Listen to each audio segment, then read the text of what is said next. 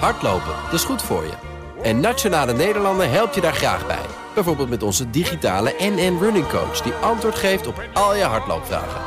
Dus, kom ook in beweging. Onze support heb je.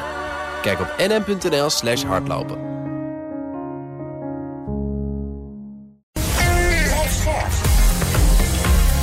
BNR Nieuwsradio. The Big Five.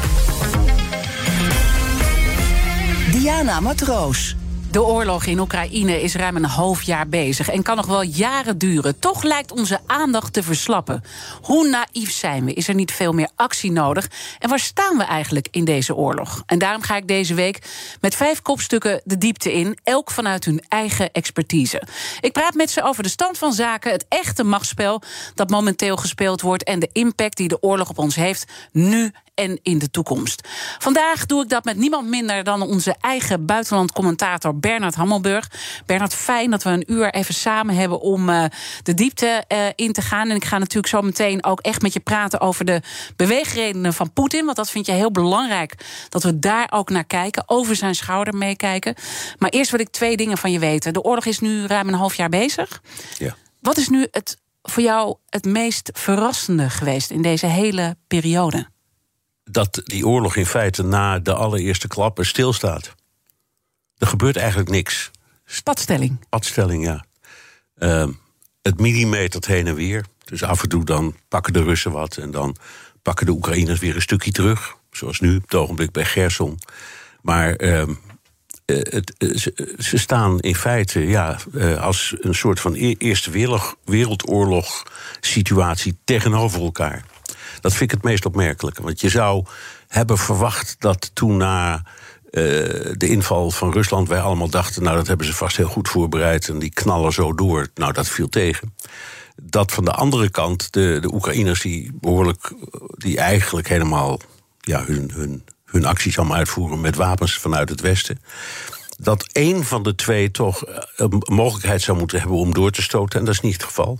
Nee, en daar gaan we zo meteen over praten hoe dat ook allemaal komt. Want er zijn ook uh, duidelijke redenen eigenlijk uh, voor. Het tweede wat ik van je wil weten, en eigenlijk je laat het nooit over jezelf gaan, uh, Bernard. Maar jij bent ook echt, jouw leven is denk ik heel anders geweest het afgelopen half jaar. Je bent alleen maar aan het werk. Ik bedoel, dat doe je altijd al, maar.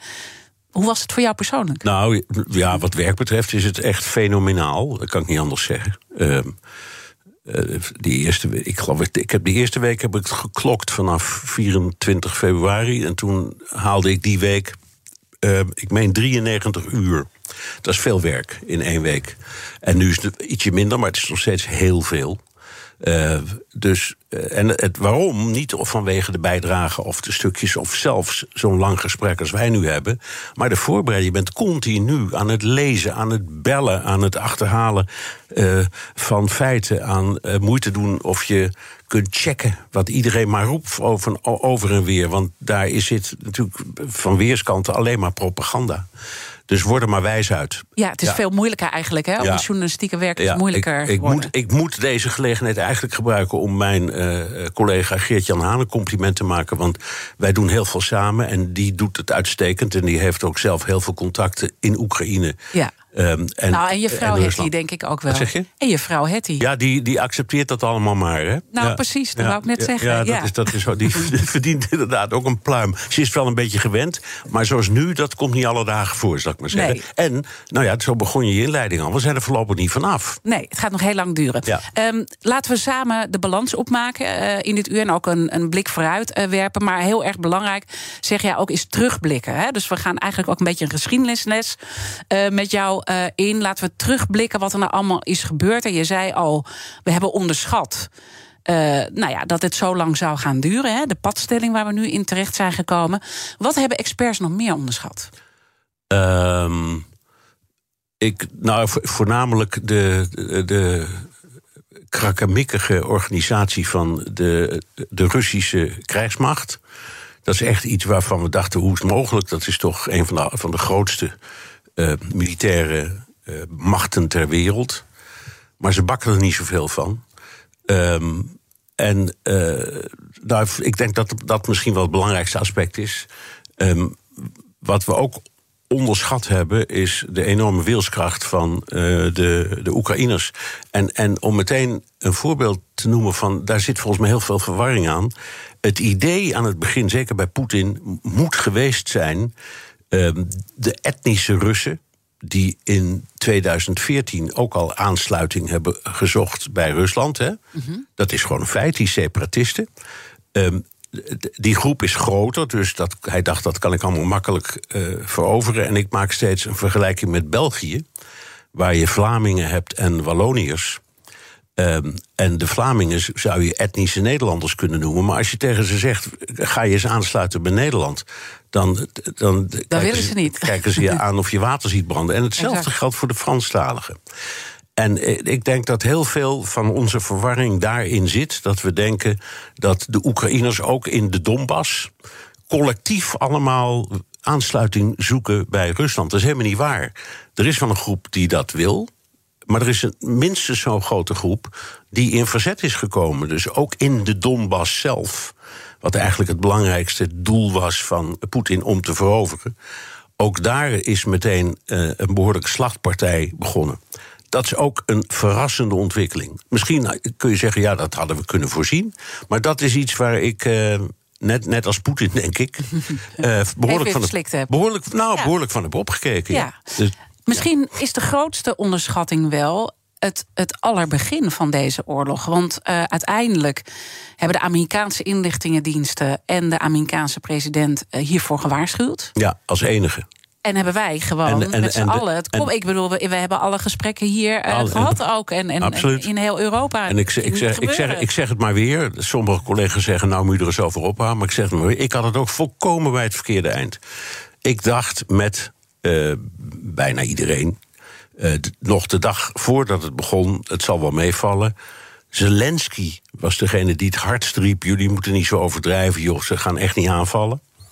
Ehm, alleen Joe Biden, die eh, moet ik zeggen, de, de, de CIA en de, de militaire inlichtingendiensten, die hebben hun werk voortreffelijk gedaan, net als de Britten. Eh, en die hebben voortdurend gewaarschuwd van jullie onderschatten wat hier te wachten staat. En we moeten samen als westerse landen ons voorbereiden op een enorme Ja. dreun en een nare periode. En het is eigenlijk genegeerd door heel veel. En heb je verklaring voor, nu je terugkijkt met al de learnings die we nu hebben, eh, waarom we dat zo genegeerd hebben?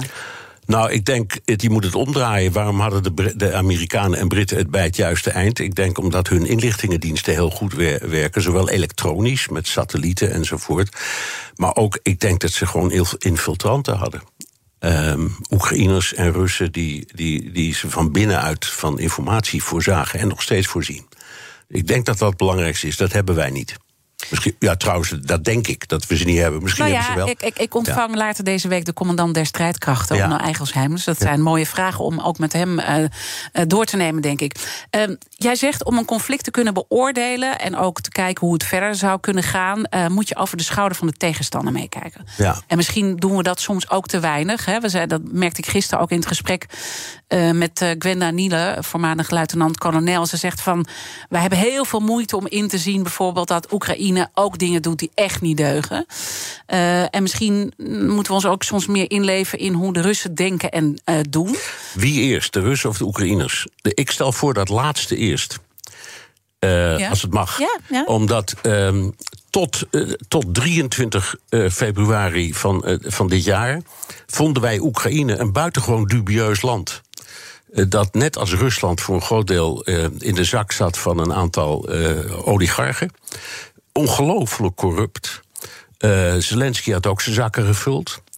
En dus er was een zekere, ik zal maar zeggen, neiging om, om Oekraïne een beetje op een afstand te houden. Hè. Er is een enorme, enorme discussie. Maar dat was meer van politieke aard. Moet het nou wel of niet lid worden van de NAVO en de EU? Maar iedereen was het erover eens dat ze voor geen van beiden in aanmerking kwamen. Tot dat moment. Na vier- 24 februari is Zelensky plotseling op het sch- het schild ge- getild. En terecht, vind ik hoor. Ja. En, het, eh, Oekra- en Oekraïne wordt nu gezien als het laatste bastion Ja. van democratie in die regio, dat dus beschermd moet worden. Daar zit iets geks in.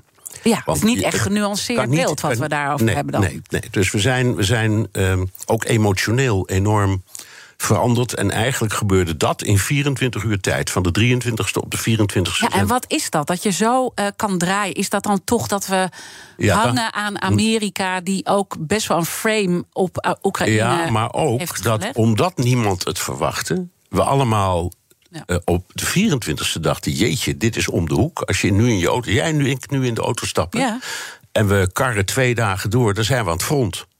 Zo dichtbij is het. Ja. Dus dit is onze oorlog. Ja, Dat nou, sterker nog, eh, werd ook gedacht... dit wordt een derde wereldoorlog. Ja, dat, eh, dat is ook gedacht. Dus dat is van. vanaf- Gedacht, is dat geen terechte gedachte meer? Nou, dat, ik, ik, ik ben, nee, ik ben niet zo van dat soort eh Doemscenario's. doemscenario's. Nou ja, je, je zou ook kunnen denken, we moeten dingen ook weer niet onderschatten. Ik bedoel, we hebben al onderschat dat dit Ja. ging beginnen. eh, en de Eerste Wereldoorlog was ook een opmaat voor de Tweede Wereldoorlog. Zeker. Ehm, omdat, maar goed, dat had te maken met de vernedering van eh, het Versailles-verdrag. En, en, en dat, nou, ik weet niet, ik ben erg voorzichtig met de Is vergelijkingen. ook zo, is ook zo. Ehm, maar eh, je, je hebt in, volkomen gelijk. Ehm, er was in die tijd, en misschien nog, angst voor eh, dat dit zich zou uitbreiden tot andere landen. Ik geloof daar niet zo in. Ik denk dat Oe- Oekraïne maar één ding wil en dat is winnen. En dat eh, Poetin ook maar één ding wil en dat is winnen. En dat is ingewikkeld, omdat als ze allebei zo fanatiek willen winnen, het onmogelijk is Ja. om te denken over onderhandelen. Ja, want dat heeft Zelensky ook gezegd. Ja. Ik wil niet Nee, onderhandelen. nee. En, en hij is sterker nog, hij is na. ehm, de afgelopen week heeft hij eh, ook zijn politiek een beetje veranderd. Eerst hadden we allemaal de indruk dat nou ja, bij die Donbass zou hij zich misschien wel neerleggen. Maar nu zegt hij: we rusten niet voordat we heel Oekraïne hebben bevrijd, inclusief de Krim. Ehm, en die was eigenlijk sinds 2014 al wel opgegeven door de hele wereld. Hij dacht, nou ja, principieel zijn we er wel voor, maar in feite dat komt niet meer terug. En dus die padstelling waar we nu in zitten. Zie jij ergens een kantelpunt? Ehm, ik, ik heb grote twijfel daarover. Eh, omdat, eh het komt direct wel over te spreken, hoop ik. Maar eh, omdat er een moment komt waarop, nou ja, ik zeg, de- vanuit het, het Westen de animo om zoveel geld uit te geven en zo ho- hoog te investeren zal afnemen. Maar tegelijkertijd ook in Rusland het steeds duidelijker zal worden dat er wel degelijk een oorlog is, ondanks wat Poetin zegt. En daarmee raakt hij ook zelf enigszins geïsoleerd. Dus van beide nee, ik ben niet hoopvol wat dat betreft. The Big Five. Diana Matroos. Mijn gast is Bernard Hammelburg, onze eigen buitenlandcommentator hier op deze zender.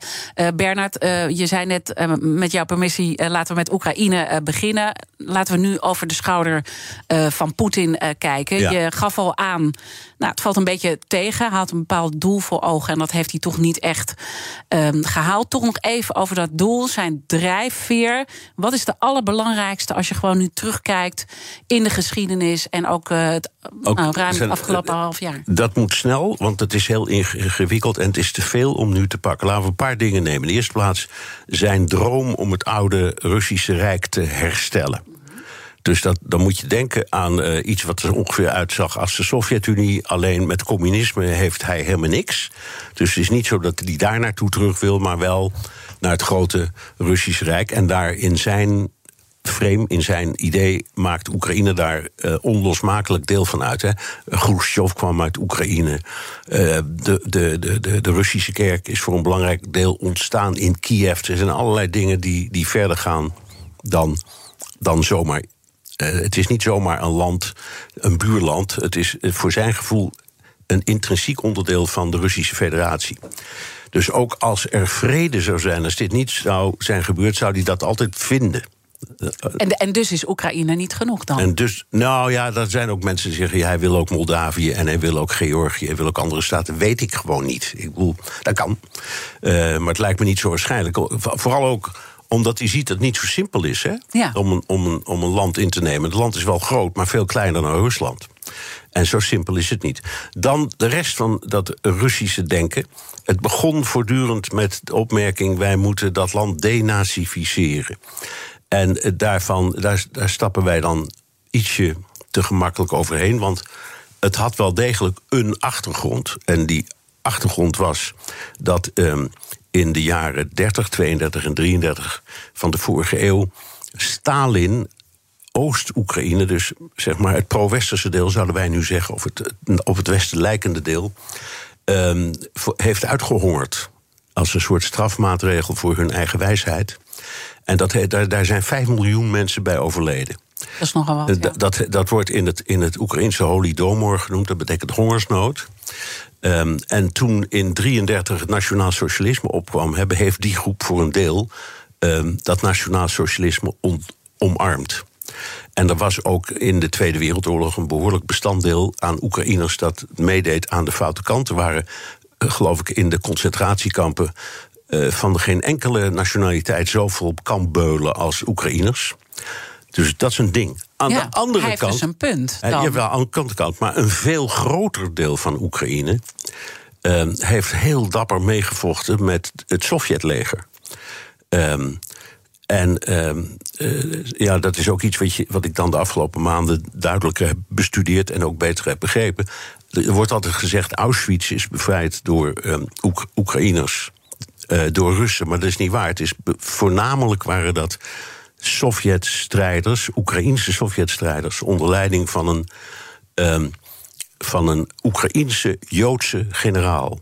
Kijk. Dus, het, dus het beeld, het, het beeld Het is heel een dubbel eigenlijk. Als, Hij heeft wel al, uh, gelijk dat er dus echt ja. zo'n uh, harde kern uh, was, maar er was een veel grotere kern. Ja, en dan daarmee, ik bedoel, dat dat historisch zo zit, dat klopt. Ja. Dus daar hebben ooit, daar heeft daar een stevig bestanddeel van dat bevolkdeel was, wat wij nu zouden zeggen, fout. Alleen, uh, dat was toen, en er is we zijn zoveel generaties verder. En het is dezelfde discussie die je over Duitsland of Japan zou kunnen voeren. Je kunt toch moeilijk een Japanner of een Duitser van, van deze generatie iets verwijten over het verleden. Ja. Dat is, maar is er nog iets van die harde kern, van die foute harde kern uh, Oekraïners? Ja. Is daar nog iets van over? Nou, nee, maar er zijn wel uh, neonazies. En, en, en bijvoorbeeld die, die Azov, dat Azov-bataljon... dat zo heel lang in die fabriek weerstand ja, is blijven. weet ik nog, ja. Dat is echt een, een neonazistische organisatie, organisatie met mannen met hakenkruisen op hun armen en zo. Dat is geen frisse boel.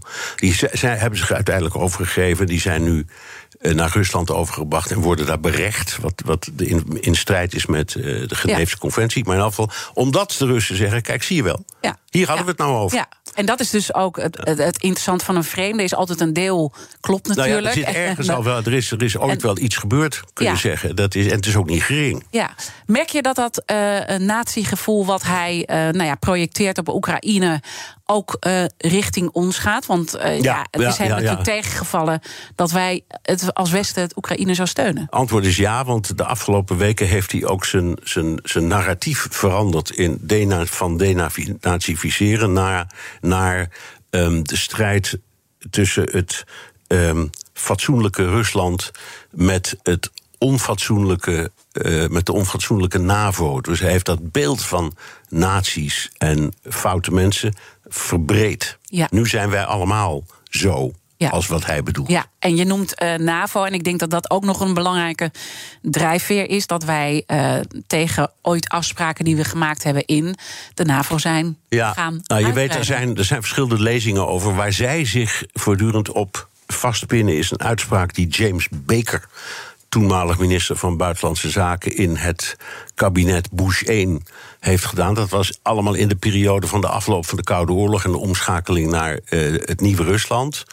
Uh, toen kwam de, de, in, in, in onderhandelingen die zijn gevoerd in, uh, in Budapest de vraag over de toekomst van de NAVO. En de vraag: gaat de, de NAVO zich uitbreiden? Waarop James Baker, en dat is een feit, gezegd heeft: not one inch. En bij wijze van spreken, de volgende ochtend werden de Russen wakker. En toen stond de NAVO ongeveer aan hun poorten. Dat is gewoon, ik overdrijf een beetje, maar ja, zo, ja, ja. zo, is het wel een beetje gegaan. En hij heeft daar ook over gezegd, Poetin, ik ga het niet accepteren. Nee, en, en iedereen die iets weet van Russische geschiedenis, die weet dat ze altijd erg nerveus worden als hun grenzen worden bedreigd. Um, er is een, nou, dat zouden wij ook hebben. Zou, Toch? Ja. Jawel, nou goed. En in Estland en in Letland en in Polen hebben ze dat ook. Ja. Dat zijn wij ook, hè, ja, tegenwoordig. Ja, ja, precies. Dus dat gevoel leeft over en weer. Alleen het wantrouwen aan de Russische kant is altijd groot geweest. Ze hebben ons altijd gewantrouwd. En dat wordt nu enorm gevoed. Vandaar ook dat je voor zover ik kan beoordelen, ziet dat een heel groot deel nog steeds van het Russische volk het eens is met de voorstelling van zaken zoals Poetin Ja. die geeft. En vind je nou terecht dat ze ons wantrouwen? Want dat is ook interessant om over na te denken. Ehm, vanuit hun perspectief vraag je dat? Of objectief? Objectief graag. Ehm, nou, dat vind ik eigenlijk niet. Nee, want de NAVO is een defensief, eh, defensieve organisatie, heeft nog nooit offensieve ambities gehad. De NAVO gaat, gaat Rusland niet aanvallen. Ehm, dat zou helemaal niet kunnen. En eh, dus wat dat betreft is dat wantrouwen niet helemaal terecht. Op lager niveau zit er wel wat in, vind ik. Want bij, laten we zeggen, de gemiddelde burger. Als je die vraagt van hoe kijk je naar Russen, dan, dan, dan zit er altijd iets van, nou, vindt ze wel grof of, eh, of eh, onbeschoft of, eh, of onbetrouwbaar. Je hoort mensen die zaken doen met Russen, het moet allemaal cash worden afgerekend. Het, voor de, de- ik denk dat heel veel Westerlingen denken dat Russen louche zijn. En onbetrouwbaar. Dat is heel pijnlijk, want En luidruchtig en dat soort dingen. Ja, maar ze hebben ook de, de, de grootste kunstenaars voortgebracht. En enorm veel eh, geleerden. Dus het, het, het, het is een beetje een. Ja. Het is een pijnlijke. Maar het antwoord. Objectief denk ik inderdaad dat er een zekere afkeer bestaat van Russen in het Westen. En dat, ze- dat ze met een zeker wantrouwen worden bekeken. En, en ja, Ja, zo kom je ook niet eh, tot elkaar natuurlijk. Als we even ehm, kijken, heel kort, want we gaan straks in het tweede deel uitgebreider praten over hoe solidair iedereen nog gaat blijven eh, vanuit het Westen. Maar als je nu de learnings pakt, eh, het, het over de schouder kijken met Poetin, zijn doelen, hij heeft het niet eh, behaald. We zitten in een padstelling, hè, dat zeg je ook. Militair gezien valt het gewoon een beetje tegen wat de Russen uiteindelijk aankunnen. Nou, misschien dat de defensieminister eruit gezet is, dat spreekt ook wel boekdelen.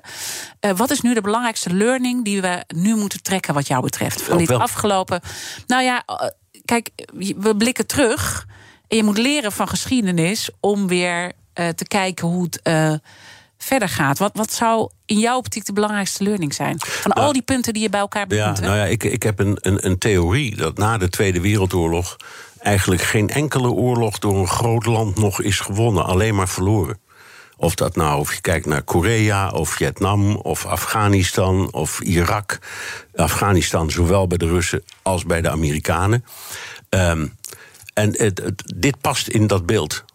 Dit gaan de Russen niet winnen, in geval niet zomaar winnen en misschien ook wel verliezen. Want je kunt zeggen, als je niet wint, verlies je. Hè? In zo'n geval omgekeerd ook. Als je niet verliest, win je, win je. En ik denk dat dat voor de Russen geldt. Dus dat is een, een constatering die aansluit bij iets wat ik al heel lang vind... en waar ik ook veel over heb geschreven en gesproken. Er bestaan geen winbare oorlogen meer. Straks praat ik verder met onze eigen BNR-buitenlandcommentator Bernard Hammelburg over de rol en de strategie van de Verenigde Staten in deze oorlog en hoe loyaal wij zullen blijven. Blijf luisteren. Business Booster. Hey ondernemer, KPN heeft nu Business Boosters. Deals die jouw bedrijf echt vooruit helpen. Zoals nu, zakelijk tv en internet, inclusief narrowcasting... de eerste 9 maanden voor maar 30 euro per maand. Beleef het EK samen met je klanten in de hoogste kwaliteit. Kijk op kpn.com slash businessbooster. Business Booster. Hardlopen, dat is goed voor je. En Nationale Nederlanden helpt je daar graag bij. Bijvoorbeeld met onze digitale NN Running Coach... die antwoord geeft op al je hardloopvragen. Dus, kom ook in beweging. Onze support heb je. Kijk op nn.nl slash hardlopen.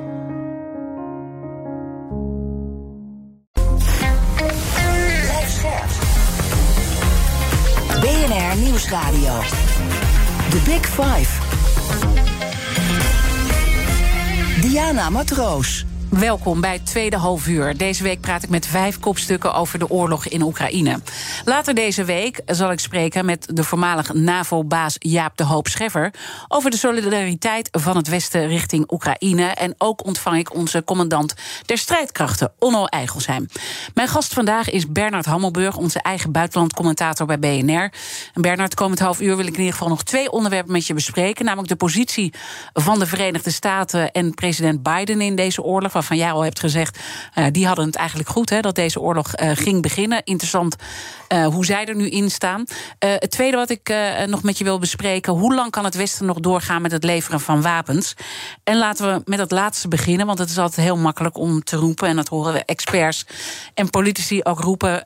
laten we uh, doorgaan met wapens uh, leveren. Maar kunnen we dat überhaupt? Nou, dat is een goede vraag, want er zijn al verschillende berichten, zowel uit Europa als ook uit de Verenigde Staten, dat de eigen wapenvoorraad wordt uh, gecannibaliseerd om die leveringen aan de Oekraïne te kunnen doen. Uh, er stonden bij, ik, ik, weet niet uit mijn hoofd even ergens een bericht gelezen over Stinger-raketten. Dat zijn die dingen die je vanaf de schouder kunt afvuren en waarmee je bijvoorbeeld een helikopter uit de lucht kunt schieten. Die zijn in, massaal naar uh, Oekraïne uh, verscheept. En de Russen waren op een bepaald moment door een derde van hun eigen voorraad Stingers heen.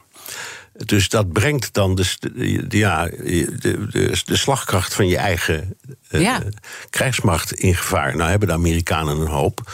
Maar ze hebben wel al nu uh, opdracht gegeven aan de defensieindustrie om echt alles op alles te zetten. Om te kunnen leveren aan Oekraïne en hun eigen uh, defensie op peil te houden.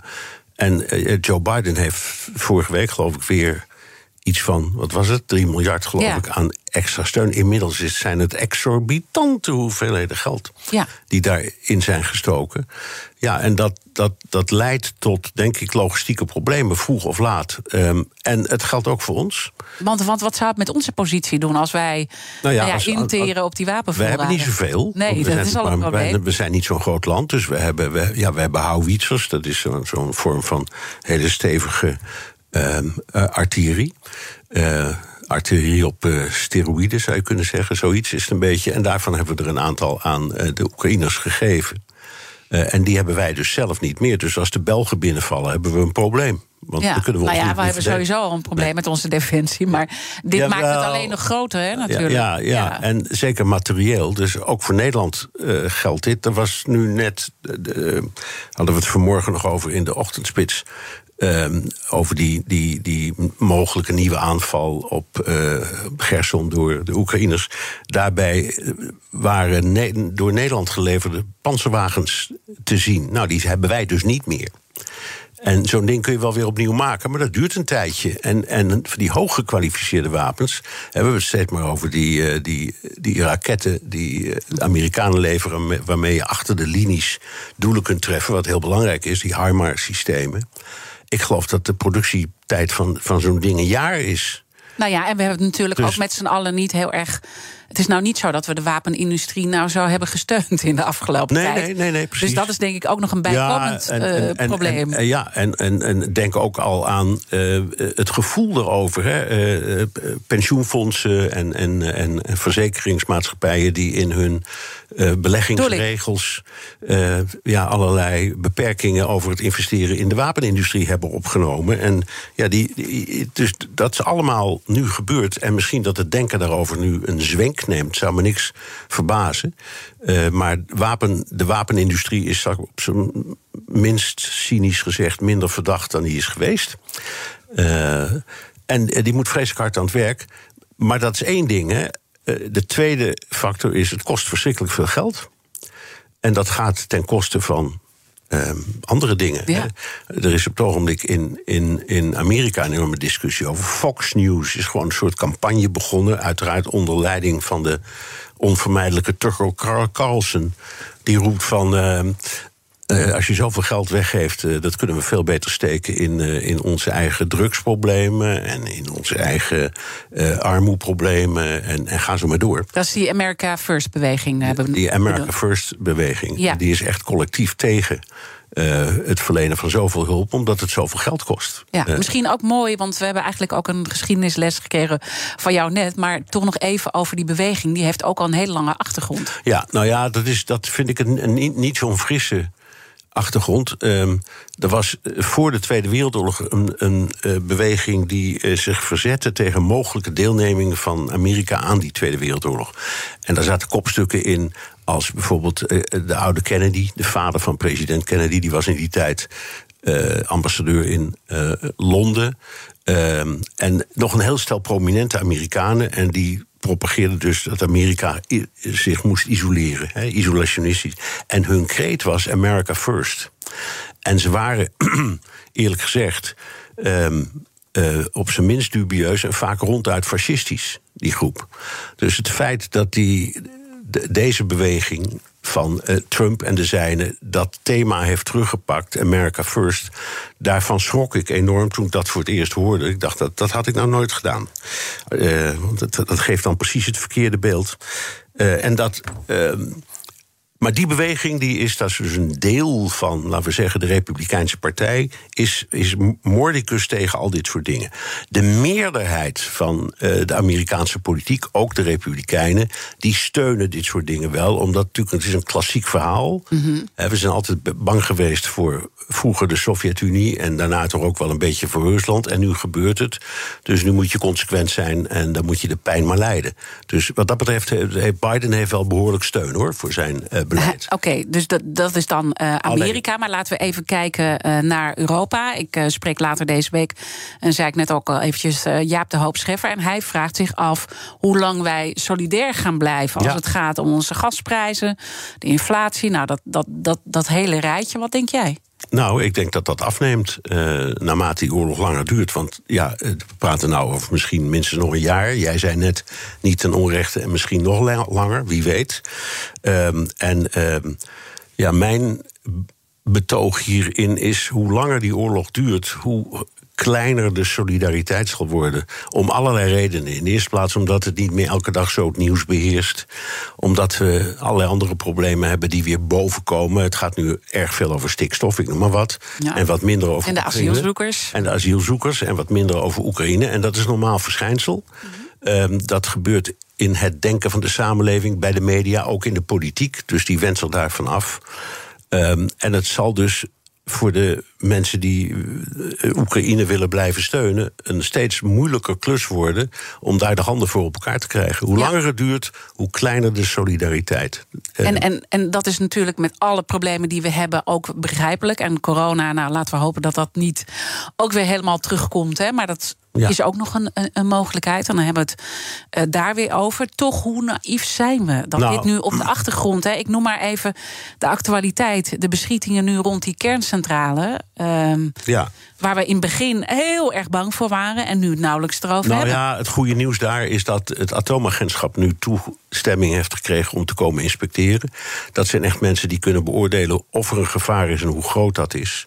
Het was natuurlijk een hele slimme zet van de Russen om die eh, centrale in te pikken, want. eh, het is de grootste in Europa. Hij voorziet, geloof ik, Oekraïne van een, van een kwart van al zijn energie.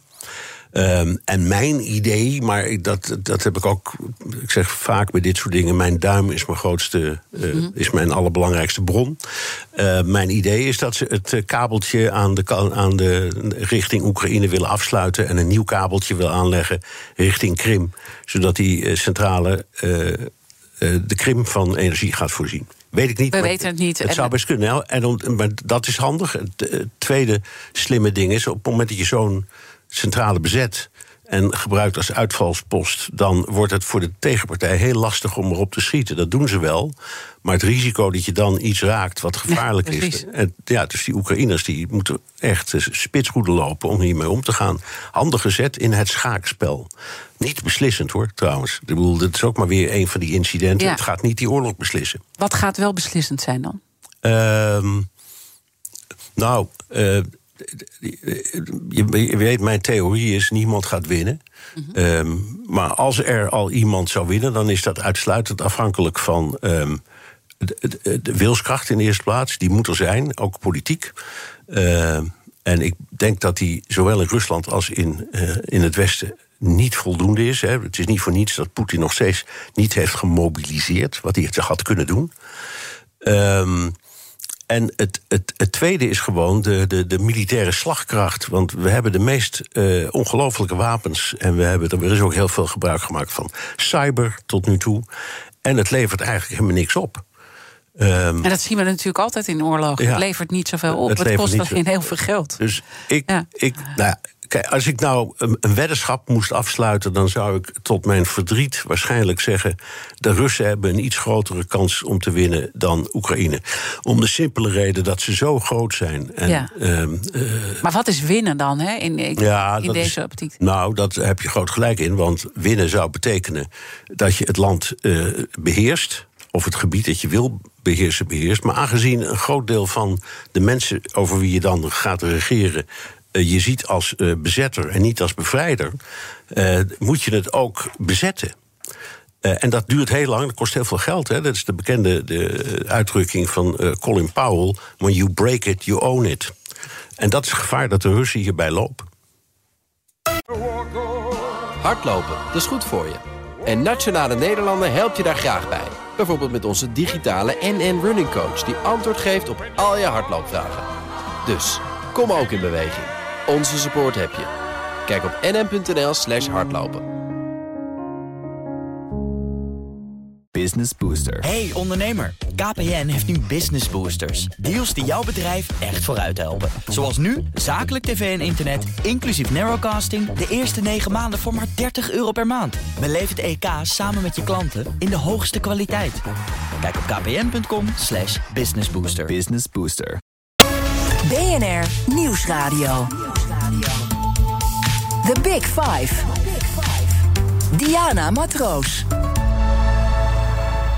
Je luistert naar BNR's Big Five van de oorlog in Oekraïne. Eerder deze week sprak ik met Gwenda Niele. Zij is desinformatie-expert en voormalig luitenant-kolonel. Ik sprak met haar over de rol natuurlijk van desinformatie in deze oorlog.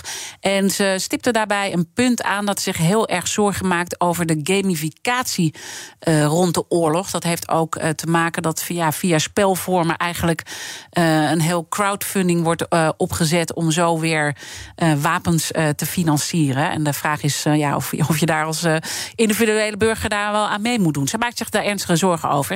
Het gesprek is terug te luisteren via bnr.nl. Mijn gast vandaag is BNR buitenlandcommentator Bernard Hammelburg. En eh, meteen maar even de kettingvraag erbij te pakken. Want Gwenda Niele heeft ook een, een vraag voor jou die verband had met die gamificatie die ik net eh, benoemde. Eh, luister maar.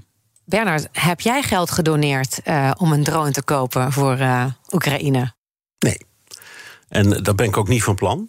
Eh, ik vind dat niet een verstandige manier. Eh, dat moeten burgers niet doen. Aan de andere kant, ik hoorde een verhaal dat er een fabrikant was waarbij eh, drones zijn besteld. Er was een soort crowdfunding of in geval een publieke actie, een soort collecte. Weet ik veel, Giro 555 zou ik maar zeggen. Ja, ja, precies. En daar eh, zijn toen drones voor besteld. En die fabriek die zei: We vinden het zo sympathiek. eh, dat geld stoppen we in een ander eh, goed doel. En we gaan die drones voor niks leveren. Dus dat, was, dat, dat, is- dat netjes afgelopen. Maar ik vind het principieel een verkeerde manier. Ehm, eh, dat moet met belastinggeld gebeuren. Dat is ook ons geld. Ja. Het hoeft niet uit mijn knip te komen. We, hebben, wij betalen belastingen. En we hebben een kabinet en een parlement dat daarop toeziet. En een raad van state die over al dit soort dingen kunnen oordelen. Als wij, als wij geld gaan weggeven of apparatuur gaan weggeven. dan moeten we dat doen in goed democratisch overleg, vind ik. Ben ik helemaal met je eens. En dat was ook haar punt. Want ze Hm. kon niet inschatten hoe groot eh, eh, deze beweging is. Maar ze neemt dat steeds meer waar via sociale media. Dus vandaar dat ze daar iedereen op attent wilde maken. Eh, laten we dit slotstuk eh, gebruiken om nog eh, nou, twee dingen te doen. Namelijk de kettingvraag te stellen aan mijn gast morgen. Arend Jan Boekenstein. En over de Verenigde Staten nog even te praten. En het geopolitieke spel wat wordt gespeeld. Wat wil je? Eerst de kettingvraag maar doen? Maak jij, ja, is prima. Ja, ja. Eh, want eh Arend Jan Boekstaan, ja, eigenlijk hij, eh, behoeft hij ook geen introductie. Historicus, voormalig VVD-politicus en docent aan de Universiteit Utrecht. En ook veel op deze zender te horen. Wat zou jij aan hem willen vragen? Mag ik mezelf citeren in Ja. dit geval? Ja, zeker. Dan, eh, dan citeer ik uit, de, uit de, de column die ik heb geschreven in eh, het FD. Arend Jan, ehm, hier is mijn eh, vraag. Ehm, Europa had niet gerekend op zo'n lange oorlog. Eh, niemand had daarop gerekend. Ehm, en naar mijn idee ehm, neemt de mate van solidariteit af eh, naarmate de oorlog langer duurt. Dus de solidariteit is omgekeerd evenredig aan de lengte van de oorlog. Ben jij het daarmee eens? Ga ik hem vragen morgen. Uh, dan de Verenigde Staten. Je hebt daar al een paar dingen over gezegd. Uh, Amerika, de Amerikaanse inlichtingendienst en president Biden hebben echt heel lang gewaarschuwd dat die oorlog zou komen. Samen met de Britten hebben we allemaal niet naar geluisterd. Dus dat is learning 1. we zitten in een padstelling, maar zij blijven nog wel wapens leveren. Aan de andere kant hebben zij dus nou ja, ook wel een beetje last misschien van die America First beweging. Eh, hoe denk je dat Amerika dit spel nu verder gaat spelen? Want er is natuurlijk een groot geopolitiek machtsspel gaande.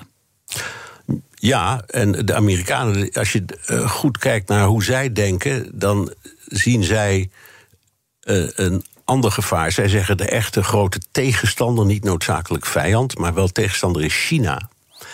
En naarmate dit langer duurt, hebben, moet je uitkijken dat je China en Rusland niet in elkaars armen drijft. Dat begint al een beetje te gebeuren. Uh, en de Amerikanen zeggen, en ik denk heel terecht, dan ontstaat er een blok waar wij veel meer moeite mee hebben dan Rusland. Want Rusland kunnen we nog wel aan, mhm. maar China niet zomaar. Militair niet en economisch niet. Ik vind dat een hele verstandige en gezonde manier van denken. Um, en uh, vandaar ook dat uh, de, het beleid van de Amerikanen is: help de Oekraïners waar je maar kan en zolang je maar kan. En ik denk eerlijk gezegd dat de wil daarvoor wel zal blijven hoor, al duurt het nog zo lang. Zo zijn Amerikanen, dat geld blijven ze wel vrijmaken. Maar dat ze tegelijkertijd vreselijk hun best zullen doen achter de schermen om toch iets van diplomatiek verkeer op gang te krijgen. Ja. Uh, want dat is nodig. Ja, want wat jij noemt uh, China, maar dan heb je ook nog bijvoorbeeld Afrika, waar Rusland Zeker. heel veel steun uh, van krijgt. Ik sprak er eerder ook een paar maanden geleden over met Jaap de Hoofd Scheffer. En die zei ook, ja, in Afrika, uh, want je, je hebt dat uh, nazi-frame al benoemd, die de Russen gebruiken. Maar de Russen wijzen ook op ons koloniale verleden. Zeker, en de, Russen hebben in het algemeen in Afrika een goede naam. Omdat de Sovjet-Unie, toen die nog bestond, zich enorm heeft ingespannen voor de onafhankelijkheidsbewegingen. Dat was hun grote. En dat zijn de Afrikanen niet vergeten. Nee, en ze hebben ook heel veel uh, geïnvesteerd hè, in de infrastructuur. Ja, en ongeveer, ik denk twee maanden geleden of zo, heeft Zelensky in zo'n elektronisch praatje. Uh, de, de leiders van de Afrikaanse Unie toegesproken. Hè, van de, denk om ons en, en, het gaat ook om jullie graan, enzovoort, enzovoort. Er zijn 55 leden van die Afrikaanse Unie. Er waren er precies vier die hadden ingeschakeld om te luisteren. De rest interesseert geen de rest, Nou, de rest zegt, eh, laat ons eens met rust... en vecht jullie oorlog maar uit. Als wij maar uh, gaan, we hebben hier niks mee te maken. We, hebben, we hebben jullie nodig om alle mogelijke redenen: handel, steun, graan. Uh, maar dit is jullie oorlog en we gaan geen partij kiezen.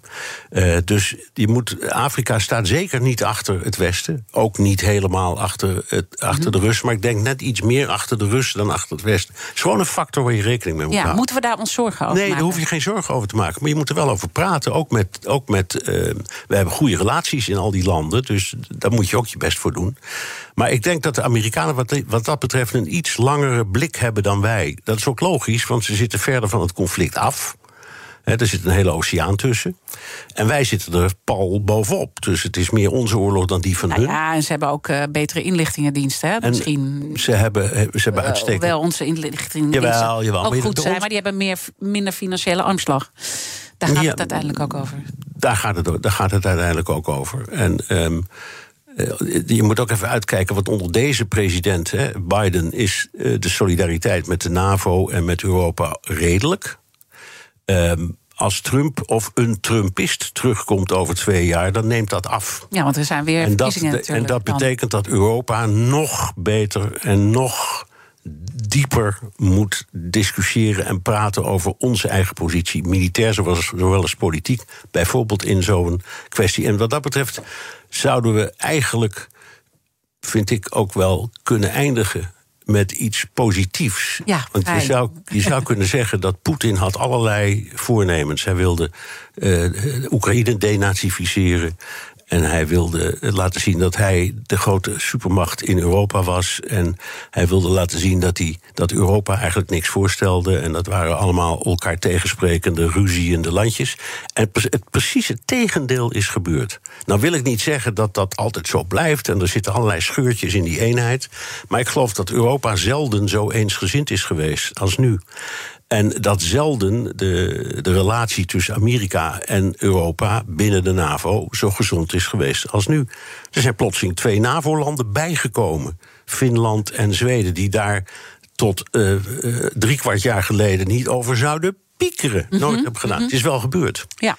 Um, dus dat is ook een kant uh, aan, ja, aan, aan dus, ruim een half jaar Ja, oorlog, dus je tuurlijk. kunt zeggen, nou, het is allemaal dan jammer voor Poetin. Dat is het zeker. Maar het is ook wel heel goed voor ons. Het geeft wel een lekker gevoel dat, de, dat die solidariteit een behoorlijke ja. um, zwengel heeft gekregen. Want dat was hard nodig.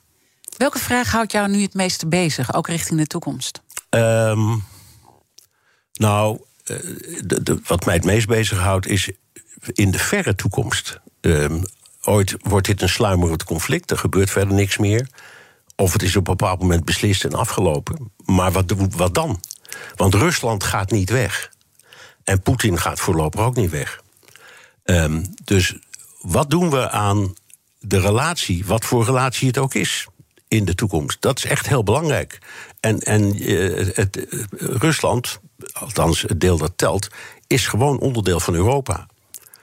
Dus we kunnen wel uh, die, die scheiding uh, steeds groter maken. En dat doet hij ook. Maar uiteindelijk is dat niet houdbaar. Dus er moet, in, voor de verre toekomst is dat mijn grootste zorg. Dat wij uh, niet realiseren dat wij misschien echt wel met ze ook in contact we, moeten gaan. We zullen met ze leven. We zullen met ze moeten leven. Kan niet anders. Ze gaan niet weg en wij ook niet. Er zijn 140 miljoen Russen, die gaan echt niet weg. Uh, en het land wordt niet opgeheven. Het is het grootste land ter wereld met negen tijdzones en, en een enorme rijke geschiedenis. En, uh, nou ja, en waar we dus ook niet altijd een goed beeld over hebben. Hè? Oh, nee. dus, dus dat benoemde je natuurlijk. Hè? Wij kijken misschien ook met een bepaalde arrogante houding naar de Russen, wat ook niet altijd terecht is. Nee, want je moet ook naar Tchaikovsky en Tolstoy kijken als je erover praat. Zo is het, ja. zo is het. Uh, Dank je wel, Bernard, voor ja. al jouw um, belangrijke inzichten. Uh, was een hele fijne geschiedenisles. En ook een blik vooruit. Dank je wel. Uh, morgen, zoals gezegd, uh, dan spreek ik met Arend Jan Boekenstein. vandaag was het dus Bernard Hammelburg, onze buitenlandcommentator bij BNR. En natuurlijk zijn alle afleveringen van BNR's Big Five zoals altijd terug te luisteren. Het beste is natuurlijk als je gewoon even gaat abonneren op onze podcast via onze app. Maar je kan het ook doen via je favoriete Want weet je gewoon zeker dat je niks van ons mist. En mis vooral niet de hele dag hier op BNR. Zometeen Iwan Verrips met BNR breekt. Ik wens je een mooie dag. Hardlopen, dat is goed voor je. En Nationale Nederlanden helpt je daar graag bij. Bijvoorbeeld met onze digitale NN Running Coach... die antwoord geeft op al je hardloopvragen. Dus, kom ook in beweging. Onze support heb je. Kijk op nn.nl slash hardlopen.